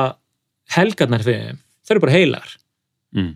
sko, það þarf ekkit að vera hringimann á lögat eða getur byggðið frá mándag Mm. og, og þetta fannst mér líka og, og ég er ekki vissum að ég hefði í íslenskum standard komist í gegnum það að flytja út með þrjú börn og fjölskyldu uh, og tekið að mér þetta verkefni ef ég hefði verið símanum sko 100 dagar streitt en bara, Nei, það er sami Londonurinn, sami Já. kultúr, einmitt, veist, það, bara það bara sloknar á símanum og síðan er þetta element sem er oft sko að þeir vilja ekki, þeir vilja fara heim svona klukkan fjögur, fimm, það er bara því að þeir bara virða virkilega það að geta átt þú veist, tvo, þrjá tíma með börnunum og fjölskyldurinni veist, milli, þeir þurfa oft náttúrulega að komjúta miklu lengur en við þurfum að gera en bara þeir vilja fá þess að tvo, þrjá tíma með fjölskyldunni. Og þessi tími hann er ekki til sölu alveg sama hvað verðið er. Nei, og ég, ég bara kann dóttið að meta þetta að, við sem sko stjórnendur og þess að, að ég legg líka mikið upp úr því að sko það fólk sem að ég er að vinna með það veist, ég bara, veist, þú tekur þér sumafrí og þú tekur það ekki þá bara í það. Já, Ta og, og taktur hennar tíma vegna þess að sko þannig nærðu að svona endur næra sjálfmaði aðeins. Mm. og veist, fyrir, fyrir, fyrir suma er þetta íþróttir og fyrir aðra er þetta eitthvað einhver aðna en, en bara taktu tíman og hann Já. er algjörlega heilagur já, já, og verður ekki seldur á sko skiptir engum máli hvaða verðið er bóðið hann er bara ekki til sölu. En þá, ef við komum aðeins aftur að, að, þinni, þinni sögu, að þú, þú hérna, eins og segi, þú missir aðeins áhugaði eftir að verða þessi fórstjóraskipti hérna í Depenham sem var nýja eigandinn og eða svona, var minna spennandi ákveður að hætta og, og flyttur svo heim með, með, með konun og börnin hann að Já, flytt heim hann að 2012 Já. það bara komið svona líka veist, fyrir börni, þau voru bara lengi úti, þau voru bara 8 ár úti og þetta var svona bara skólalega séð, bara mjög góðu Mhm. tími til þess að segja, ok, nú fyrir við heim mm -hmm. ég er endar komjútað aðeins í byrjun tók að mig verkefni í Oslo og, og hérna uh, kom svona heim og ákvaða að ég ætlaði svona að láta það svolítið ráðast hvað ég myndi fara að gera ég, ég hérna, og það er líka hluti af svona þessu þessu lærdómsferli með sjálfan sig sem sko, veist, fyrirtækjastjórnanda veist, hver er ég? Að, að, að ég svona veist, ég var fyrsta frangatastjórum starfið mitt á 26 ára veist, þannig að ég þarna var ég búin að vera frangatastjóri í einhver veist, 17, 18, 19 ár. Og ég fór svona aðeins að hugsa ok, er, hvað langar mig að gera?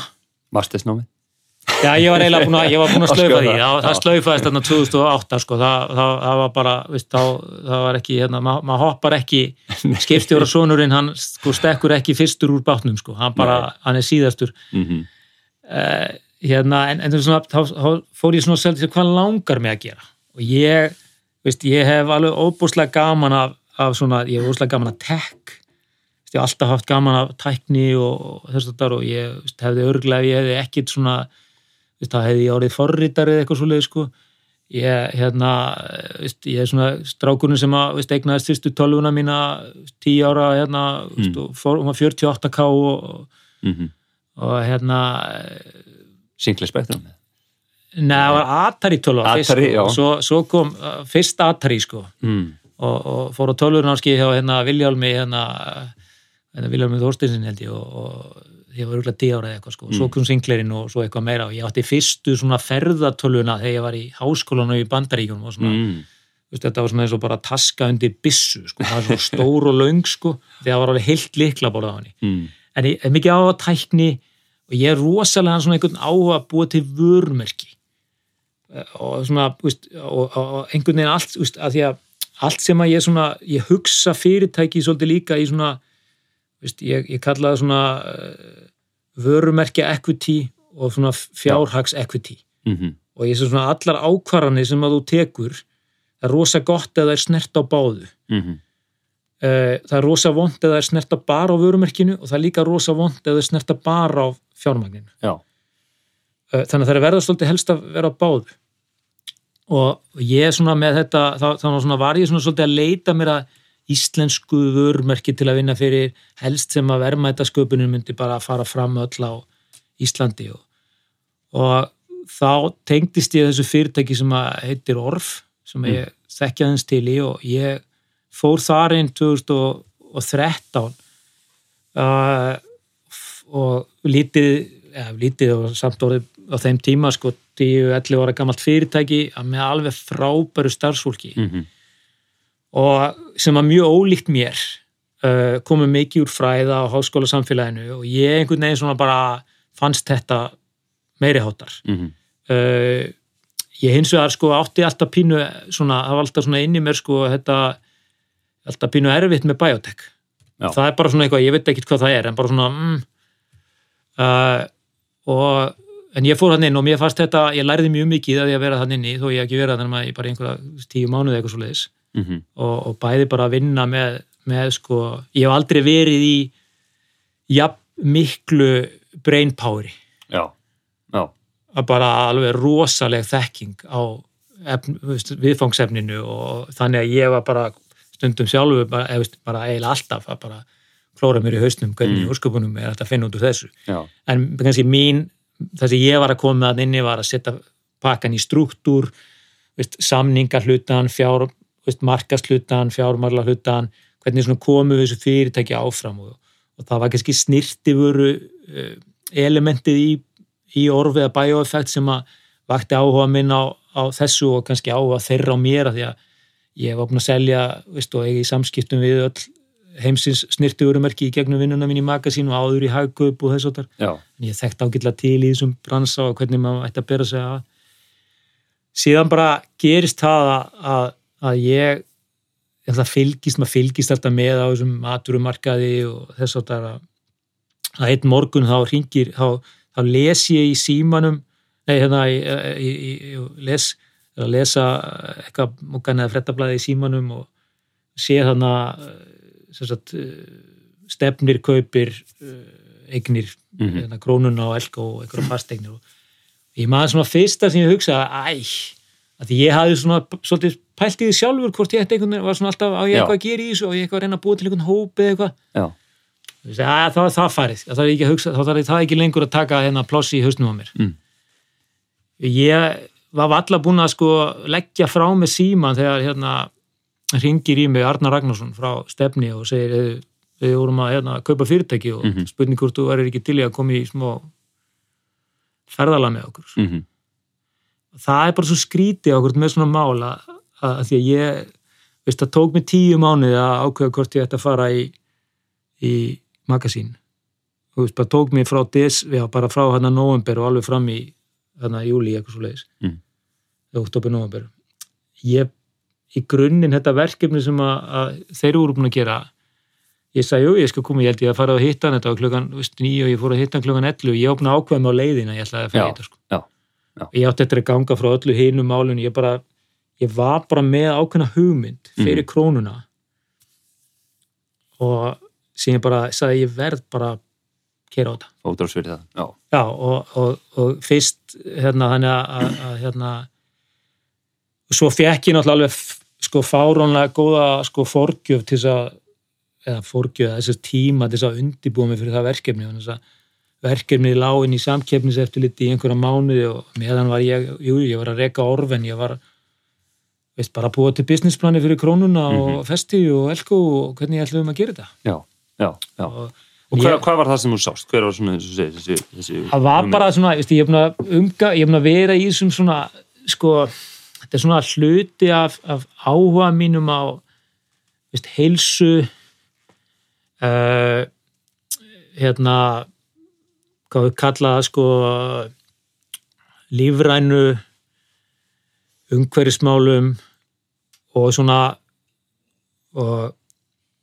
hvernig og breytingum í sko matarvenjum og hvernig sko svona veist, maturverslun ætti að líta út af því að þegar maður er búin að vera mjög lengi í svona búðabransa og fer einhvern veginn útrónum eins og ég gerði þá, þá fer maður miklu kritískari aftur inn í búð, ég sé, okkur Mm. getur svona, okkur getur þetta svona? Já. og síðan og mér langaði bara til þess að segja, hefðu, ég held að ég gerir þetta öðruvísi. Ég held að ég hérna ég held að ég held að ég held að svona ferðalagið inn í maturubúðuna sem að þú veist, það finnst einhverjum gaman að vestla í matin Mhm. Þú veist, að því endur því deg þá er þetta ekkit eitthvað þú- but you have to do it og að því að við erum líka svolítið svona uh, veist, uh, hérna ég held að sko veist, neytandinn er pínu vana fastur og svo leiðis þá finnst honum sko gaman að, að því að veist, og, og, og dagurinn er doldið svona skorðaður Mhm. Að þá, hugsa, ég- þá, þá, finn, þá sé ég alltaf meira og meira að sko, herru, við sækjum sko fjölbreytnina í mat eða eitthvað annað, af því að allt hitt er doldið svona sett. Og, og ég, ég bara segi, ég, ég held að við hefum að breyta þessu við hefum að bara fara með algjörlega sko nýja hugmyndafræði inn í þetta. Mhm.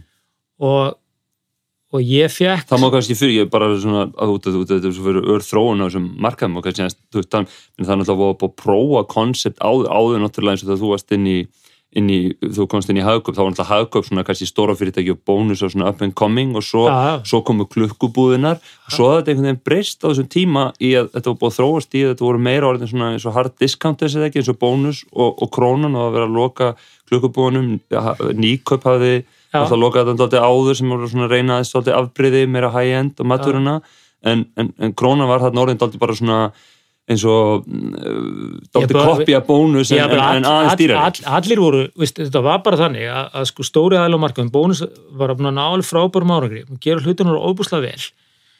Og, og það voru bara allir búin að elta það. Mhm. og, og, og hérna og það var engin sko tilbúin að taka okkur þetta sem ég sagði svolítið áðan að segja, herru, við þurfum bara að taka þetta business model og gjör breyta því. Já. Vist, við getum ekki haldið áfram að elta þetta. Þannig að, að, að, að þetta business model er ekkit endilega rétta business model í dag, það getur vel verið að það verið fyrir 20 ára síðan, þess að það er bara möguleiki hérna á öðru business modeli. Mhm. og við fórum að við, og við raunum svona teiknum upp þá mynd í byrjun. Og, ég fór svolítið með þessa hugmynd inn í það teimi sem var í krónunni. Uh, bara þá sem hafðu verið þar.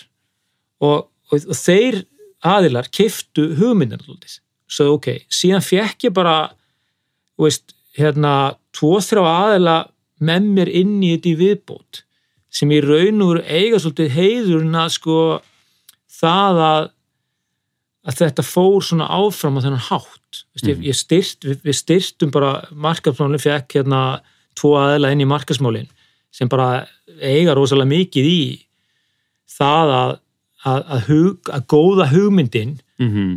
Varð visual í lægi Já. og svo fekk ég bara hérna aðra konu sem að veist, er, hún er nú bara veist, hún, er, hún er bóndi fyrir austan og, og hérna er líklega mesta áhuga manneskja um sko veist eh, bara sjálfbærni og lífræna ræktun og, og bara svona hluti. Ég fekk hana bara til að koma líka inn í ákveðin svona verkefni Já. veist, og, einhvern, og þetta fólk Bara eitthvað bóndakona og Nei, nei, hún er ekkert bara bóndakona, hún er bara alliða, hérna, veist, það er bara svo, þegar, veist, þegar maður, ég sé alltaf, veist, fáðu bara besta aðilan í þessu sem veit mest um þetta og mest passionerar um þetta til þess að gera þennan hlut. Og, veist, og svo tengir það með hinu fólkinu og þú svona, veist, og það sem ég reyna að gera er svona að reyna að veist, segja, eru, ok, við gerum þetta hérna, gerum þetta svona. Og, og að það að fá sko teimið sem var það, var alltaf frábært teimi af kaupmunum Mhm. inn í krónu. Þeir voru bara, veist, svolítið bara einhvern veginn sko fastir á gamla hérna gamlu vélinni að svona hossast á henni. Mhm. og um leið og lest að koma einhvern veginn ný tækifærð þá bara blómsturu þessir aðeinar og allt í hennu bara eru þeir sko margfald betri og, og veist, ég held að veist, og síðan veist, kemur Greta hann inn sem að, að hérna getur bara tekið svona mynd og gert hana Mhm. bara miklu skýrari heldur en ég get nokkuð tíma gert sko. já, já, um mitt krónan og hún var að fá veist, núna og, og, og það er bara það er það sem að maður líka sko, sem að maður ég, ég segi sko, kem aftur að heinu sem að svona hlutur sem að ég hef lært sko, því að menn segi alltaf, gerðu bara það sem langa til að gera gerðu það sem langa til að gera, allir að segja börni ég segi bara, gerðu bara það sem góður í sko. mm, en þegar þú veist að einhver annar er betri en þú í því þá Mhm. skal þú láta hann gera. Mm, og þ- þetta er svona bara veist, og það þýr ekkert að, að, að ég sé eitthvað verri sko. ég er bara betri en einhver öðru. Já, og, en það að setja saman þetta teimi og fá fólk til að, að svona uh, veist, fara í einhverja ákveðna átt það tókst og það tókst ekkert bara í krónir, það tókst líka í elko. Það sem er margir gleyma í festi mm, er það sko að krónun er alveg frábært dæmi, elko var ekki síra mm, elko tvöfaldaði veltunni sína. Já. Árunum hérna, frá 2014 til 2017 mm, það er ekkit, eh, ég, ég er ekki við sem þú finnir smásölu fyrirtæki á Íslandi sem tvöfaldæði veltu sína nei, og voru nokkuð stórir fyrir. Og það, það er líka sama á dæminu hjá Elko, þeir voru með eh, hérna, þeir voru með sko kjarna af, af fólki sem var búin að vera þarna og þekkti konseptið og svo liðis og þeir bættu við fólki þar sem að þá skorti þekkingu og, unnu saman eftir því. Þannig að þe- þetta bara svona veist, þetta vann þannig að bæði konseptin voru tókust bara vel og svo bara fór, svo bara hættu að gera hluti sem við vorum, gátum ekkert í. Það var ekki einhverju auðlýsingarstóðu og einhverju íþróttafuru búðu og eitthvað svona við sem ekkert gáðum að gera. Ég, þetta, þannig að það var bara hvernig komustu út úr því sem þægilegast hann hátt sko. já, já, já, ég held að svona, veist, og síðan var inn í þessu fasteignir, ég menna hluti af nýju krónubúðunum er að byggjast upp og það að geta sko, það geta generera konseptið svona að búða til upp og nýtt. Eh, þegar þú getur glætt hugmyndina lífi í algjörlega nýrri búð þá er Mhm. það náttúrulega rosalega gott. Þannig að þessar búðir nýju sem við opnum á nýju staðsetningu voru líka svona pínu svona, hvað að segja svona eh, þeitt okkur lengra já, áfram í vegferðinni og, og, og hérna en, en, en ég hef aldrei sko, ég hef aldrei einhvern veginn, sko ég segi just í, í magasín og í krónunni það er, það bara dettu maður einhvern veginn niður af einhvern veginn, einhvern svona draumateimi sko, það sem mm, bara, já. Mm, veist einhvern veginn allt fungerar sko. Já, já, en maður er heyrta líka um að þú sett rosalega góður að vinna með fólki og ná því bestuðu fólki, þannig að þetta er líka vantilega þú sért með kannski drauma teimi með mikla hæfileika þá er spurningum að, að svona virkja það og efla það og, og Já, ég held að það komi sko frá því að hafa fengið sko ungur að takast á við verkefni með fólki og ég þurfti að, veist ég var ekkert að fara að segja einhverjum eitthvað 23 ára gamall að þetta gerir þetta svona og svona sko.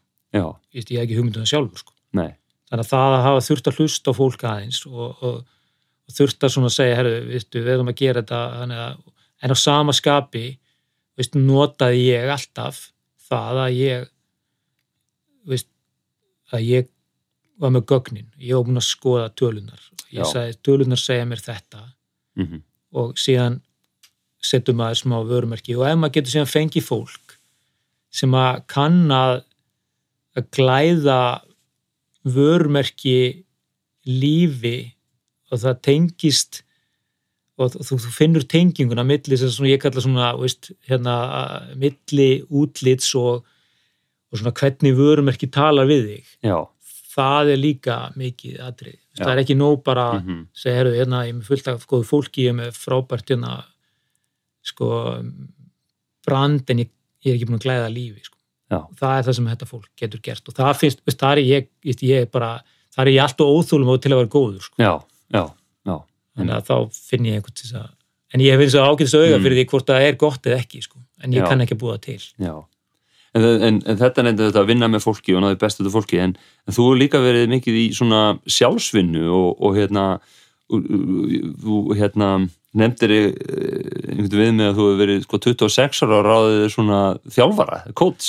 Já, já, og voru svona búin að setja upp ákveðin svona prinsip og svona getur, getur líst því aðeins fyrir mér Já, ég bara snemma sko, veist, ég veist, kannski snemma svona, veist, læriði það bara að, að hérna það væri gott að vera með svona góður ágjafa til þess að aðeins að hérna að fá að tala við sko um, um bara uh, veist að, í, í veist, öllum verkefnum þá ert alltaf einhvern veginn að hérna takast líka aðeins á í sjálfum aðeins sko. Mhm. og, og hvernig þú ætlar að gera þetta og, og, og þess að þar þannig ég bara vani mig á það að finna mér einhvern sem að ég get hérna get rætt þessi málið, það geta verið vist, einhver sem ég er að borga fyrir það eða það er bara einhver sem að ég finn og segja, heyrðu, getur við tekið spjall? sko, já, já, já, já. reglulega og ég svona held að það veist, og, og, veist, það er mjög gott skilur að hérna Þetta er meira að tala um þetta fyrir eins og núna sko með, með fólk séu aðeins meðveitur um þetta en eins og að tala um áðan eins og með íþróttinnar og svona, minna, það eru allir sem er að skara fram úr íþróttum eru með þjálfara en þetta er miklu minna um þetta í, í business sko. Já, sem að er, er í raun og veru skrítið og sérstaklega fyrir sko, veist, ég menna, hraðan og pressuna og, og líka bara, veist, þetta er líka svona, sko, veist, ég, hef, ég hef kannski farið, mér fannst fyrir utan, fyrir utan það að því ég kom inn í krónuna, fyrir utan það verkefni, þá hef ég alltaf verið einhvern veginn að stíga inn í verkefni sem að ég hef verið töluvert smeykur við. Já. Veist, ég hef alltaf sagt, veist, nú ertu búin að, hvernig ætlar að gera þetta? Þá er bara gott að geta sótt í einhvern sem að svona, veist, bæði segir manni að maður geti það og líka Mhm. bara, og svo, veist, gegnum þetta svona, veist, að ég, ég, af þessum fyrsta aðila, sko, þá lærði ég þessa veist, þessa setningu, sko, að þetta væri bara, veist, maður ætti að sapna góðum venjum. Já, og ég einhvern veginn, hún, svo setning bara og ég svona tek svona, það komið svona nokkur atriði sem bara ég, ég er alveg viss um það að svona fólk sem hafa sko unni með mér, og eru nokkri sem hafa unni með mér veist, aftur. Mm.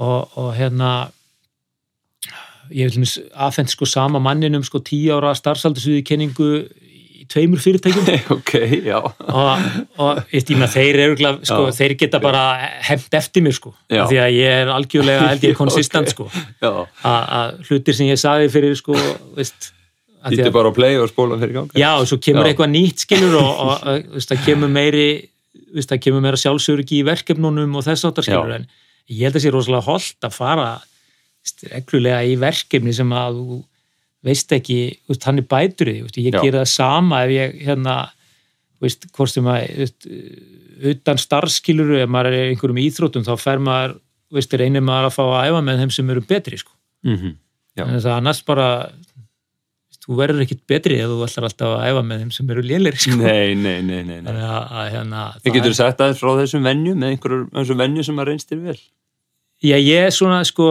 hérna e, já, það, til, til dæmis þetta sko bara ég sem sagt uh, reyni alltaf að vinna á því fólki sem er fyrir á hverjum stað, það er bara svona prinsipatrið mm -hmm.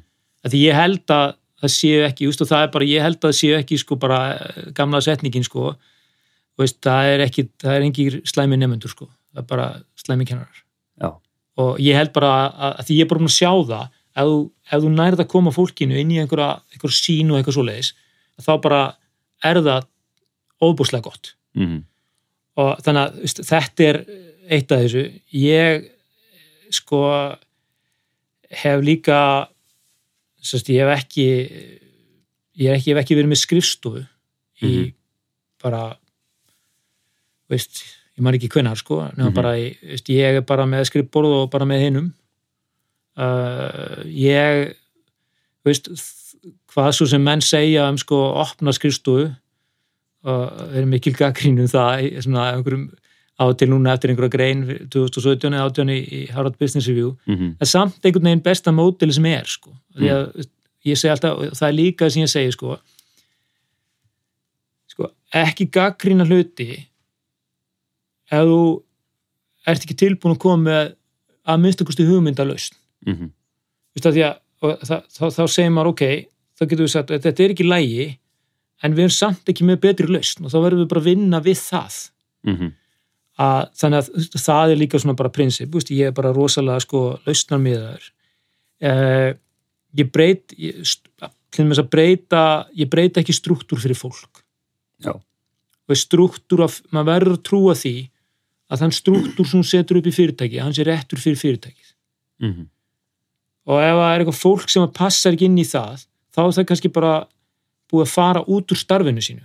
Og það Mhm. er ekkit vond eða veist, það er bara sumir liðsmenn henda með öðrum liðsmenn mhm, og það er ekkit alltaf þannig að, bara alveg eins og í fótbolta það er ekkit, veist, það passa ekkit allir saman.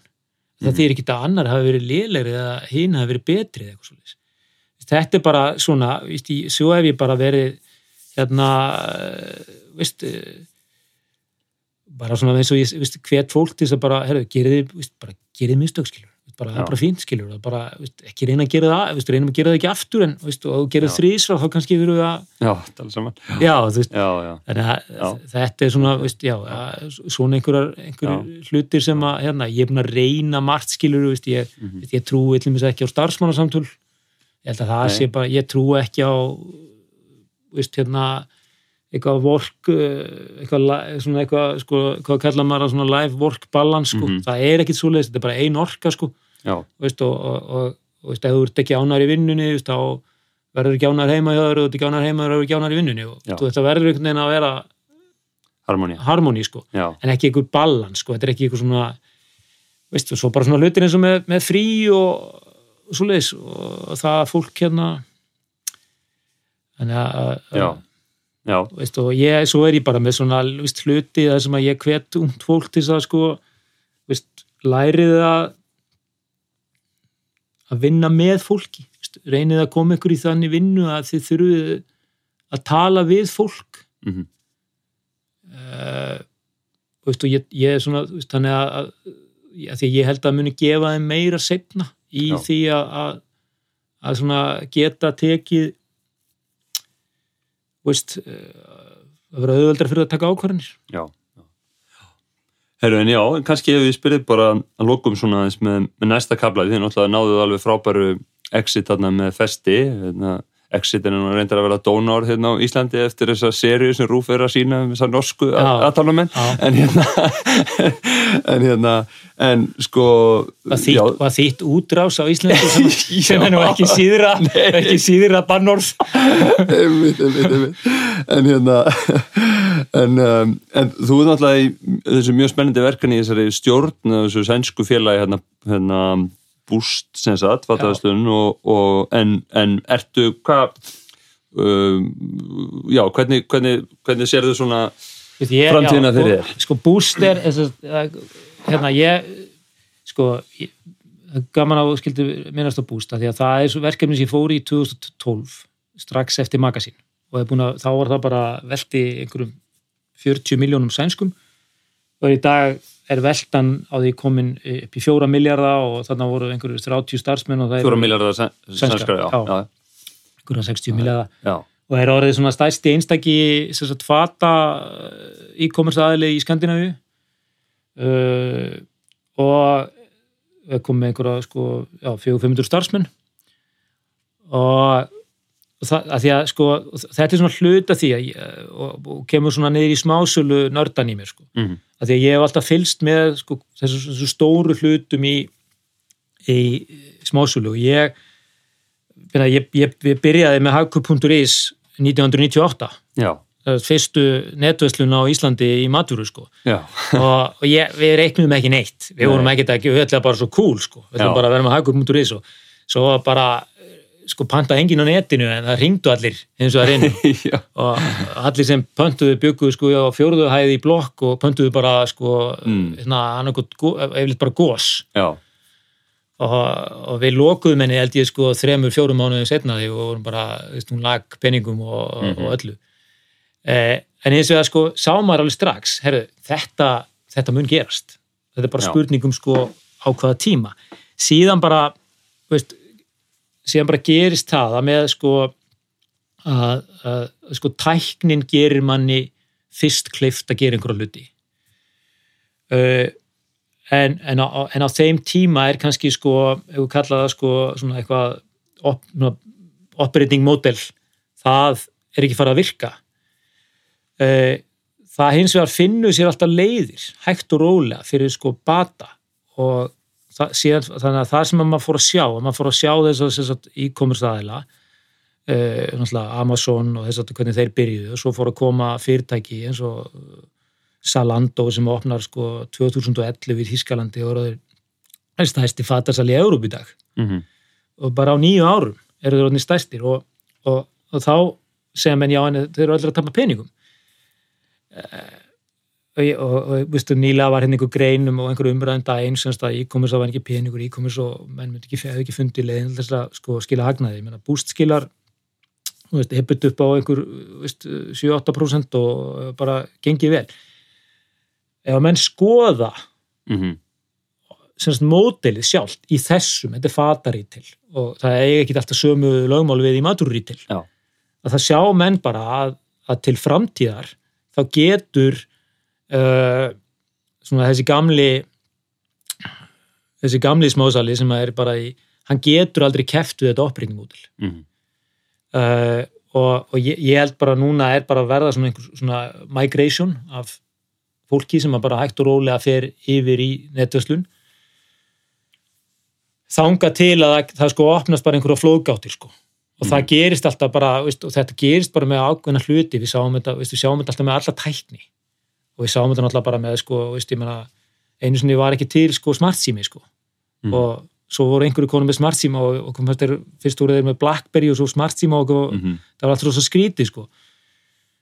og þannig að neytandin hann er alltaf að læra nýjar og nýjar aðferðir og, og hann er alltaf að verða meir og meira sko, að vennjast ákveðnum hlutum sem að smásalinn þarf að pikka upp til þess að geta þjónust að þessar þarfir. Ég sallum mér svona eins og sko þegar við fórum í sjálfsækurslinn í krónunni og langt á undan hínum að gera það og langt á undan þeim að taka ákvörðuna og við vorum samt eina fyrirtæki sem voru búin að prófa þetta áður 2007 og feila mm -hmm. og, en, en, en, og, og það sem bara gerðist þarna og bara daginn sem við settum þetta upp þá virkaði þetta og, bara, og fólk bara allt í nú gæti lappa þessum skjám að því út af hverju að því þau eru bara búin að vera með smart síma mm -hmm. í bara mörg ár þau, og þau vita bara að þau get ekki skemmt neitt mm -hmm. og þetta bara virkar þannig að, að og, og, og þannig held ég sko líka verði með netvestun að, að þegar við erum búin að koma sagt, sko uh, að, að þá förum við bara að líta á þetta sem algjör að sko nöðsin mm -hmm. þá fyrir alltaf að vera spurningin sko hvernig mun eigin Ísland virka þegar kemur á netvislun vegna þess að það sem er að gerast í heiminum í dag og maður getur alltaf verið pínu sko skelkaður yfir en náttúrulega eru líka á hverjum tækifæri byggt á þess að ég sagði áðan að lokal kaupmaður er alltaf besti kaupmaðurinn Já. er að sko við erum að vennjast í núna að það eru vörmerki sem á örfám árum eru að ná til sko veist, tveggja miljardar neytenda mm -hmm. það eru 2,5 miljardur með Facebook. Menn að segja Instagram er alveg að fara að detta í 2,5 miljard það eru, eru sko 20 samfélagsmiðla fyrirtæki sem eru með meir en 250 miljón nótnendur í heiminum. Uh, Amazon er á næst stæsti vinnuveitandi bandreikina mm -hmm. allt saman voru að örfa á árum. Miklu miklu stittri tími heldur en nokk tíma þróunni var áður og þá segir maður sko hvernig mun ríteilir umhverfið? Lít út eftir sko ef að, að hraðin verður svipaður og hann verður líklega meiri Já. á næstu tíu árum eins og hann hefur á sístu tíu árum. Þá hérna þá spyr maður sko hvernig mun sko það rítil umhverfið líta út? Og, og hérna það verður allt, allt öðru seldur í dag. Og það held ég að sko e-commerce komið sterkur mjög, veist, bara verðið að munur á það þess að maður, maður spyr sér alltaf hvernig munum sko samgöngur og, og flutningaþjónusta og þess að þar ná að tengja þessum nýju þessum, þessum breytingum í, í smásöflunni sko. Já, já. En það, þarna er ég bara, fylgist ég bara með og maður bara, eins og maður segir, veist, hérna, og fær að taka þátt í þessum, þessum hérna svona þessu geimi með, með búst og, og svo fleiri aðlum sem allir eru að reyða þessi til rúms í, í tengt þessu sko. Já, spennandi. En hérna kannski bara loka spurning sko, þú er búin að eiga þessi svona sem, sem, sem forstjóri þessi svona þrjú flottu umbreytingaverkefni um, nú ertu, já, bara rétt rúmlega 50 og átt náttúrulega talsett eftir að svona þinni starfsæfi, sko 2-3 giggi við. Tvö ekki viðbúið, Tvö sko, giggi. hvernig þyrti ef, ef þú fengir sko næsta símtal, hvernig þyrti það að hljóma hvað þyrti svona vera innihaldið svo að þú erðir, erðir spenntur? Ég, ég hef ekki hugmynd sko, ég held bara að, veist, ég hef sagt sko, veist, ég kalli, ég segi stundum við sko félaga minn sem að, ég, ég nota nú stundum sem svona smá hérna, svona bóksbúða í þessu, veist að, að mér finnst, ég kalli þetta nýji heimurinn, gamla heimurinn. Mm og ég hef svolítið verið í sko í gamla heiminum að koma nú yfir í nýja heiminn. Já, Mér langar rosalega bara að fara í nýja heiminn. Já, og, ekkert að hann sé eitthvað betri eitthvað svoleiðis. En bara veist, mér finnst það spennandi og ég hugsaði sko ef að, ef að kæmi veist, e, veist, en svo er ég nú svona samlega alltaf að reyna sko, veist, ég er alltaf að reyna að finna símtalið sjálfur sko. Já, já, það er líka, já, já, Að, hérna, eða en, en, en veist ég held að sé svolítið mikilvægt líka þegar maður er sko bara, maður hugsa um sko hérna starfsæfi sína og þess að hvað maður gerir og svolítið að, veist, ég alltaf eftir hvert starf eða ég hef tekið þá hef ég alltaf verið rosa upptíkin að að sko að, veist, ég, mér langar ekki að endurtaka mig sko. Já, mér langar að læra veist, og það er alltaf að því að veist, þó að ég hafi farið inn með mikið sjálfsörgi í festisverkefnið uh, þá samt langar mann alltaf að læra meira og meira. Mm þannig að mér langar alltaf að finna verkefni sem að ég þarf sem að ég er svona já, er svolítið eins og ég segi, eitthvað eitthvað sem tengist þessum nýja sem tengist bara svona framtíðinni sko. já, það, er, það er óskinn sko. Já, ég segi bara gangið vel að finna nýja, nýja heiminn og hérna bara takk kærlega fyrir, fyrir, fyrir kominu þáttinn og deila þessu með okkur sem þess Kæri hlustandi, ég vil þakka þið fyrir áhörnina. Við erum mjög stolt af þeim frábæru viðtökun sem Alfa hlaðvarpi hefur fengið og það er okkur mikið kvartning fyrir framhaldið. Ég vil hvetja þig, kæri hlustandi, til að líka við Alfa Framtags síðuna á Facebook eða LinkedIn. Þar tilkynum við um alla nýja þætti þegar þeir koma inn og setjum einni ímislegt viðbótarefni sem við teljum að geti gagnast þér. Sem dæmi er þar að finna stutt nýttmiður ráð frá reyndu fólki í íslensku viðskiptalífi. Njóttu vel og við heyrumst ljótlega.